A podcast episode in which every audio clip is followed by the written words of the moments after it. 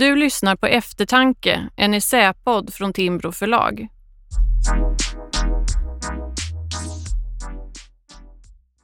Coronakrisen har fått många till vänster att dödförklara nyliberalismen, precis som efter finanskrisen för tio år sedan och efter 90-talskrisen. I det här avsnittet av Eftertanke har Caspian Rebinder gått tillbaka till nyliberalismens genombrott i Sverige under tidigt 1980-tal. Han följer debatten för de allra första artiklarna fram till valet 1985 då Palme blev den första, men långt ifrån den siste, att dödförklara nyliberalismen.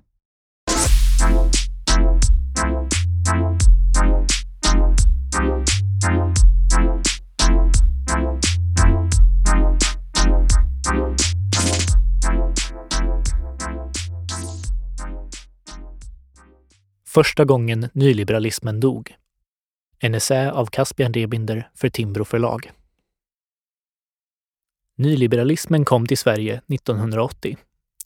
Den ideologi som hade präglats av Milton Friedman och Friedrich Hayek, Montpelleransällskapet och Chicagoskolan och skulle komma att förknippas med Ronald Reagan och Margaret Thatcher var också på väg att forma Sverige. Men innan 1980 betydde nyliberalism något helt annat i Sverige. När ordet nyliberalism användes under 1970-talet avsågs istället den vänsterlutande sociala liberalism som tagit fart i slutet av 1800-talet. En socialdemokratisk sociolog skriver till exempel i Dagens Nyheter i augusti 1975. Det är en vanlig missuppfattning, tidvis varmt omhuldad också av socialister, att liberalismen är principiellt statsfientlig. Men det gäller inte ens manchesterliberalismen, än mindre den liberala kritik som laissez-faire mötte redan under 1800-talet och allra minst den rejält radikala nyliberalismen. Den radikala nyliberalismen är alltså inte statsfientlig. Men när 70-tal går över i 80-tal börjar saker röra sig. På nyårsafton 1979 skriver folkpartisten Carl Tam, som bara några år senare byter parti till Socialdemokraterna, att politiken inför 80-talet måste bygga på en ännu starkare stat och fler politiska ingrepp. Han skriver ju fler människor som efterfrågar större bostäder, fler fritidshus, fler bilar, fler båtar etc. desto mer ökar kraven på stat och kommun att reglera aktiviteterna i enlighet med mer övergripande sociala mål. Det här håller inte alla med om. Johan Myrman gör det verkligen inte. Myrman är docent och verksam vid Institutet för internationell ekonomi vid Stockholms universitet, senare vid Handelshögskolan och verksam i SNS, och skriver i ett svar till Carl Tham ett halvår senare att det är dags för en ny liberalism. För mig, skriver Myrman, är liberalismens grundidé den personliga friheten i kombination med en solidaritet med de svaga i samhället. Problemet med ett mycket stort offentligt inflytande är inte bara att vi troligen får en mycket ineffektivare och kostsammare produktion. Vad som kanske är ännu allvarligare är den förlust av valfrihet för konsumenten som monopolsituationen innebär. Var och en som stått inför en statlig eller kommunal ämbetsman och fått avslag på en begäran vet vad det innebär att inte ha någon annanstans att vända sig. I en rubrik i texten använder DN det ihopskrivna ordet nyliberalism. Det är första gången begreppet nyliberalism används i sin moderna betydelse i Sverige. Myrman fortsätter att beskriva sin nya liberalism och säger att liberalism är en fråga om frihet. Inte bara som ett medel utan som ett mål i sig självt. Det är hög tid att hävda de liberala grundprinciperna inför attackerna från kollektivistiska lösningar och fackliga korporativistiska maktsträvanden.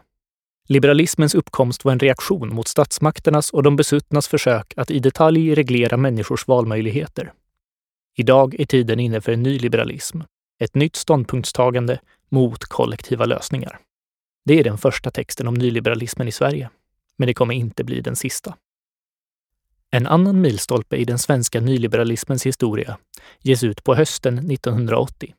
Det är boken Imorgon kapitalism som ges ut av Timbros akademiska förlag Ratio av den franska författaren André Lepage. En intervju med honom i Svenska Dagbladet inleds målande. I en trekantig skrubb bland böcker och pappershögar nära Champs-Élysées sitter de svenska SAF-ideologernas nyliberala läromästare André Lepage och filar på sitt ekonomisk-politiska budskap. Internationell ryktbarhet har han vunnit som författare till Imorgon kapitalism, den hittills enda sammanställningen och uttolkningen av de olika nyliberala strömningarna inom amerikansk nationalekonomi. Lepage är ingen internationell gigant. Han är journalist i grunden och ekonomisk autodidakt. Han har inte stått för några vetenskapliga genombrott eller storslagna teorier och idag är hans engelska Wikipedia-sida blott tre rader lång. Ändå blir han avgörande för nyliberalismens genomslag i Sverige. I sin bok skriver Lepage om Le Nouveau liberalisme, som Ratio översätter rakt av till nyliberalismen. Det är här begreppet fastnar. I boken presenteras vad Lepage kallar för en vetenskaplig och ideologisk revolution. Han beskriver nya inriktningar i nationalekonomisk forskning och hur de måste påverka hur vi formar våra samhällen. Den nya public choice-skolan med företrädare som James Buchanan och Gordon Tullock visar hur politiker drivs av incitament på samma sätt som företagare. Vi kan inte lita på att de vare sig kan eller vill det allmännas bästa. Vi måste därför vara varsamma med reglerna som styr politiker och hur mycket makt de kan få. Några ekonomer, inte minst ledda av Gary Becker, börjar samtidigt lyfta in humankapital i ekonomin. Genom att erkänna den ekonomiska betydelsen av icke-monetära faktorer som kunskap, relationer och kultur blir ekonomin mänsklig och inte bara maskiner och kapital. Det gör att vi med hjälp av ekonomiska verktyg kan förstå också fenomen som diskriminering, vänskap och familjebildning. Äganderättsskolan, med gestalter som Ronald Coase och Douglas North, understryker betydelsen av just skyddade äganderätter för att samhällen ska nå framgång. Det är tack vare äganderätter som vi har blivit så rika. Och nuvarande kriser beror på att de västerländska samhällena alltmer sätter äganderätten ur spel, menar Lepage. Och Milton Friedman, den namnkunnigaste av dem alla, har framför allt visat att relationen mellan inflation och arbetslöshet var sporadisk och gav helt andra lösningar på arbetslösheten än en skenande inflation. Imorgonkapitalism uppmärksammas brett i svensk debatt. Bara i Svenska Dagbladet recenseras den inte mindre än tre gånger. Den första anmälningen skrivs av Bertil Östergren. Han var fackföreningsman med bakgrund som ordförande i Sveriges förenade studentkårer, sekreterare i Sveriges läkarförbund och först utredningschef, sen viceordförande och sist ordförande för Saco. Östergren lämnade ordförandeskapet i Saco efter att Olof Palme hade förbjudit en stor strejk mot staten och skulle så småningom skriva en bok om Olof Palme som var så kritisk att Tage G Petersson kallade den en hatbok. Men innan det blev han politisk kommentator i Svenska Dagbladet och skrev alltså en av de första texterna om nyliberalism i Sverige i november 1980 om just boken Imorgon kapitalism. Den nya nationalekonomin innebär, skriver Östergren, en vetenskaplig och ideologisk renässans för en liberal, pluralistisk, kapitalistisk och marknadsekonomisk samhällssyn. Han menar att opinionen kan påverkas, politiken formas och framtiden avgöras med hjälp av vetenskapen och avslutar sin text med orden. Den insikt som Henri Lepage med hjälp av de nyliberala ekonomerna så energiskt argumenterar för är att marknadssystemet är den bästa garantin mot all exploatering. Kapitalismen är frihetens bålverk. Men begreppet nyliberal stannar inte hos ideologerna eller i kulturdebatten. Det tar sig raskt in i den svenska modellens kärna, arbetsmarknadens parter. Inför SAF-kongressen i november 1980 sätter Svenska Dagbladet rubriken Kulmen på kampanjen för nyliberalismen. Tidningen skriver att SAF-kongressen, som inleds nu på torsdag, handlar inte bara om företagarnas konkreta och kortsiktiga planer och krav. Den utgör också en kulmen i SAFs kampanj för en helt ny samhällssyn. Den gäller ingenting mindre än en uppgörelse med hela den samtida nationalekonomiska grundsynen. Vad det rörde sig om var de förslag som SAF hade tagit fram i ett omfattande politiskt arbete under rubriken Skapande eller bevakande Sverige. Med det skapande Sverige beskrevs ett samhälle där de enskilda individerna genom egna insatser kan förbättra samhället i stort såväl som sina egna förhållanden. Ett samhälle med tillväxt, frihet och dynamik. Det bevakande Sverige däremot betraktar samhällsutvecklingen som ett nollsummespel. Ett stagnerande samhälle där olika grupper bevakar varandra och genom olika regleringar försöker tillgodose sina egna intressen. I tolv underlagsrapporter beskrivs utvecklingen, utmaningarna och möjliga vägar för framtiden på olika områden där den offentliga sektorn växer sig allt starkare. På områden som arbetsmarknaden, kulturpolitiken, inflationen, tryggheten, socialpolitiken och rättssäkerheten skrev forskare och utredare om vilka vägar Sverige behövde välja mellan inför 80-talet. Den skapande eller den bevakande vägen. Carl Johan Westholm, som jobbade med Timbrogrundaren Sture Eskilsson i SAF, sammanfattade det hela i media. SAF-kongressens budskap om det skapande Sverige är ytterst inte en fråga om storleken på BNP om tio år, utan om de enskilda människornas frihet och skaparglädje. Får vi tillräckligt i Sverige av bägge delarna blir resultatet ökat välstånd för alla. Nyliberalismen hade berörts på kultur och debattsidorna. Idéerna hade fått utrymme på SAF-kongressen och begreppet började bli etablerat. Än så länge var dock partipolitiken frånvarande. Nyliberalismens första närvaro i politiken märks inte hos några liberaler, moderater eller andra till höger, utan i arbetarrörelsen. Kommunals andra ordförande Margareta Svensson säger att nyliberalismen innebär ett stort människoförakt, en återgång till det gamla klassamhället och att man skulle återinföra ättestupan. Socialdemokraternas gruppledare kallar det bara en cynisk politik, medan tidningen Arbetets chefredaktör Lars Engqvist inte skräder orden utan säger att nyliberalismen är en högervåg som kan leda fram till en ny sorts fascism. Olof Palme var en av de tidigaste kritikerna. I mars 1981 säger han att de strömningar som varierande kallas för nykonservatism, nyliberalism, anarkoliberalism och jag vet inte vad, har alla det gemensamt att de försöker ersätta solidaritet med egoism.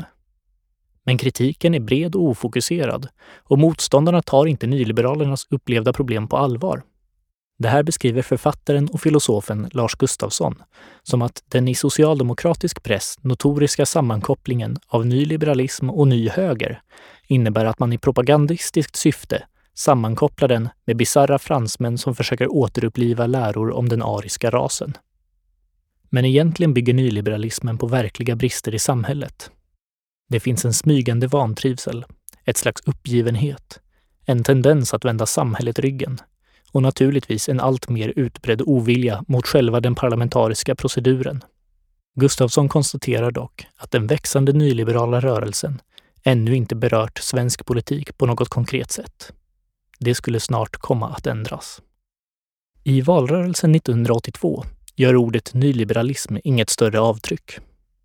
Men LOs vice ordförande Stig Malm varnar Pappers kongress för att arbetsgivarkampanjen Satsa på dig själv, som han kallade Sköt dig själv och skit i andra, eller en sorts nyliberalism. Det är en lära som säger att vi inte har råd att arbeta och bry oss om varandra. Det är läran om de helt fria marknadskrafterna och den fulländade konkurrensen, det vill säga den råa kapitalismen, som säger att vi inte behöver någon regering som lägger sig i. Det är för att balansera den här nyliberala utvecklingen vi har vårt förslag till löntagarfonder. Men än så länge är den hårda kritiken sporadisk. Det är hårda ord från facken och några socialdemokrater. Men det finns ingen samordnad bredsida mot nyliberalismen och inte heller någon som för nyliberalismens fana. Så efter en första storm kring ordet avtar diskussionen. 1981 skrivs nästan 100 artiklar om nyliberalism i svensk media.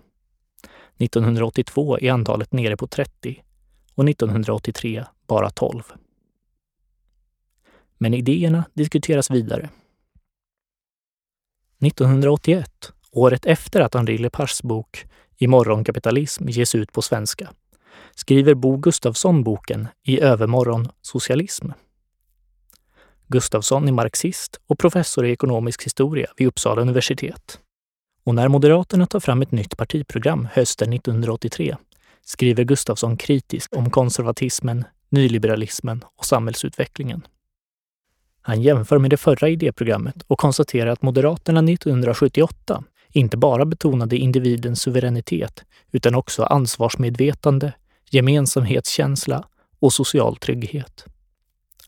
Det nya förslaget betonar istället den liberala frihetssträvan hävdar att offentlig styrning kväser det enskilda skapandet, att egennytta och samhällsintresse sammanfaller, att många statliga företag ska säljas och att skatterna måste sänkas. Moderaterna har redan sedan några år gått i en mer nyliberal riktning. Redan 1980 har man tydliga beståndsdelar av den ideologiska rörelsen i Gösta Bomans tal. I Sverige, liksom i vår omvärld, bryter sig idag två skilda slag av människo och samhällssyn mot varandra. Förenklat och schematiskt skulle de kunna definieras med begreppen kollektivism, individualism, planekonomi, marknadshushållning, förmynderskap, frihet, stillastående, förändring. De här kontrasterna innebär ett skifte i liberal riktning. Istället för att vara konservativa har Moderaterna, enligt Gustafsson, alltså anammat en manchesterliberalism och är nu radikalt samhällsomstörtande. Gustafssons text får ett svar av Johan Myrman, som ju var den första att efterfråga nyliberalism i Sverige. Som börjar med att anamma hans historiematerialism och på så sätt ta ner nyliberalismens drivkrafter på jorden. Myrman skriver I Bo Gustafssons historiebok efterträder ideologierna varandra som reaktioner mot den härskande makteliten. Liberalismen mot jordägarna. Socialismen mot kapitalägarna. Vad Bo Gustafsson inte tycks inse är att hans egen logik leder fram till att nästa stora proteströrelse mot makten måste bli liberalismen. Varför? Jo, därför att med offentliga utgifter på 70 procent av BNP, ett skattetryck på 55 procent av BNP, bevissäkringslag, angiverilag, generalklausul och hot om införande av kollektiva löntagarfonder är det väldigt många människor som upplever att maktkoncentrationen på ett helt avgörande sätt har förflyttats till den offentliga sektorn, till staten och stora kollektiv. För många människor är den ideologi man söker en ideologi som värnar om den enskildes rättigheter gentemot kollektivet. Den som inte förstår detta är blind för sin tids problem. För Myrman är nyliberalismen mer än ett ord. Det är verkligen en liberalism för sin tid. Han avslutar sin text med orden När staten lägger sig i nästan varje vrå av en människas liv har liberalismen fått en ny historisk uppgift. Det är den uppgiften man måste förstå för att kunna ta både samtiden och nyliberalismen på allvar. Det är dock inte vad Gustafsson gör i sitt avslutande svar. Jag misstänker, skriver Gustafsson, att nyliberalerna hatar staten, inte därför att den är för lite, utan för att den är för mycket demokratisk. Det är ingen djuplodande ideologisk kritik, men det ger en föraning av debatten som ska följa. På Socialdemokraternas partikongress 1984 säger Olof Palme att nyliberalismen börjar tappa greppet. I början stod vi må hända lite handfallna inför dess anstormning, men nu ska vi med stor glädje gå till offensiv mot alla dessa nyliberala hugskott. Med stor kraft märker man också av denna offensiv, särskilt just från Olof Palme. Under hela valrörelsen 1985 är det nyliberalismen som han riktar sin allra hårdaste kritik mot. Exakt vad den innehåller, det går han inte in på, men den är ruggig. När han valtalar inför gymnasieelever i Göteborg berättar Olof Palme att ett samhälle som bygger på nyliberalism blir ödsligt kallt att leva i. Där blir människorna varandras fiender. Där tvingas individen att köpa sin trygghet på bekostnad av andras. Där nyliberalismen prövats, i dessa samhällen har moralen brutits ned. Men ändå verkar många av de nyliberala kraven ha stöd från befolkningen. Ett år innan valet försöker den privata förskolan Pysslingen starta med finansiering från Electrolux. Olof Palme går i taket och ser till att införa ett näringsförbud i barnomsorgen. Men opinionsinstitutet Sifo konstaterar att vinden blåser i nyliberal riktning. Hela 86 procent av befolkningen vill att Pysslingen ska få drivas och mer än tre fjärdedelar av Socialdemokraternas egna väljare. En liknande opinionsvind märks i skattefrågan. Svenska Dagbladets ledarsida skriver i september 1985, precis innan valet, att Socialdemokraterna är trängda av Moderaternas skatteoffensiv. De skriver för Olof Palme, som vid det här laget har hunnit dödförklara nyliberalismen åtskilliga gånger och på valmöte efter valmöte har slagit fast att högervinden har blåst över, måste Expressens SIFO-undersökning om skatterna ha kommit som en kalldusch. Undersökningen visar att Moderaterna har mer än halva väljarkåren bakom sig i kravet på 40 procents marginalskatt. Olof Palme tvingas också notera hur högervindarna blåser i de egna leden. Var tredje socialistisk väljare tycker som Moderaterna. Palme själv fortsätter dock oförtröttligt att tala om hur hård, kall och omoralisk nyliberalismen är, ända till valet är avgjort. På valnatten står det klart att Socialdemokraterna har vunnit. Det blir inget borgerligt maktövertagande, utan Olof Palme kan regera vidare. Direkt när resultatet kommer slår han fast. Slaget mot Moderaternas nyliberalism är över. Den är död. Alla är inte övertygade av Palmes beskrivning. Ulf Adelsson, moderatledare, får frågan om Palme har rätt i att nyliberalismen är död och svarar nekande. Folkpartiet anslöt sig ju till en markerad borgerlig politik vad gäller bland annat radio och tv, löntagarfonder och avskaffande av monopol. Förr kämpade vi ensamma och nu har vi två partier, mellan 35 och 40 procent av väljarkåren. Så det stämmer inte. I SAF-tidningen skriver Jan-Erik Larsson att segern över nyliberalismen är en absurd fantasiprodukt. Folkpartiet och Moderaterna har båda inkorporerat betydande delar av det så kallade nyliberala budskapet, till exempel betonandet av marknadsekonomin. Och tillsammans stärkte de sin position i politiken. I SAF-tidningen skriver Jan-Erik Larsson att segern över nyliberalismen är en absurd fantasiprodukt. Folkpartiet och Moderaterna har båda inkorporerat betydande delar av det så kallade nyliberala budskapet. Till exempel betonandet av marknadsekonomin. Och tillsammans stärkte de sin position i politiken. På Svenska Dagbladet tar ledarskribenten Mats Svegfors dödförklaringen med en klackspark. Vi som verkar på SVDs ledarredaktion borde förmodligen tillhöra de närmast sörjande nu när nyliberalismen tydligen gått och dött för oss. Men vi känner oss villrådiga på ett närmast opassande sätt. Vi vet egentligen inte vad det är som har dött. Vi vet därmed inte vad vi ska sörja. Olof Palmes regeringsförklaring 1985 är första gången en regeringsförklaring innehåller ordet nyliberal. Den nyliberalt inspirerade ekonomiska politik som förs på många håll i Europa har inte lett till de förväntade ekonomiska framstegen utan till ökade orättvisor, otrygghet för folkflertalen och slöseri med nationernas tillgångar, säger statsministern i regeringsförklaringen. Men efter det låter nyliberalismen inte riktigt lika död. Palme kräver i regeringsförklaringen att företagens kostnadsökningar dämpas och manar till återhållsamhet i nästa års avtalsrörelse för att svenska företag ska kunna konkurrera på den internationella marknaden som vilken SAF-direktör som helst. Han hyllar också inflationsbekämpningen och konstaterar att det krävs en stram finanspolitik, hård utgiftsprövning och minskning av budgetunderskottet. Det är råd som hade kunnat komma från Milton Friedman själv. Kampen mot byråkrati och krångel ska drivas vidare. Service och effektivitet främjas och skatterna ska sänkas. Nio av tio inkomsttagare ska få högst 50 procent i marginalskatt. Det som i valrörelsen var omoraliska högervindar som slog sönder samhällen. Olof Palme var förstås inte nyliberal. Han ledde inte en nyliberal regering och läste inte upp en nyliberal regeringsförklaring. Men många av de värden han lyfter hade varit otänkbara på 1970-talet, även under de borgerliga regeringarna. Men många av de värden han lyfter hade varit otänkbara på 1970-talet, även under de borgerliga regeringarna. Och mycket av den politik som Palme själv kallade för kallhamrad nyliberalism i valrörelsen genomfördes ändå under hans sista år som statsminister och sedan under Ingvar Carlsson. Nyliberalismen hade förklarats död, för första men inte sista gången. Bara ett par år senare skulle Kjell-Olof Feldt meddela att nyliberalismen var död, igen, med anledning av att den amerikanska dollarkursen hade gått ner.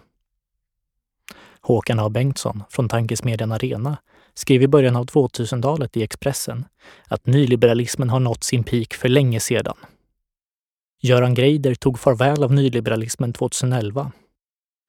Och så sent som våren 2020 skrev den socialdemokratiska tidningen Tidens redaktör Paja Mola att nyliberalismen dött. Igen. Det är svårt att räkna hur många gånger nyliberalismen dödförklarats. Antalet gånger den önskats död är minst lika stort. Och inte sällan beskrivs den som en kraft som dominerat Sveriges och världens politik i 40 år. För att vara så död verkar det vara en livskraftig idé.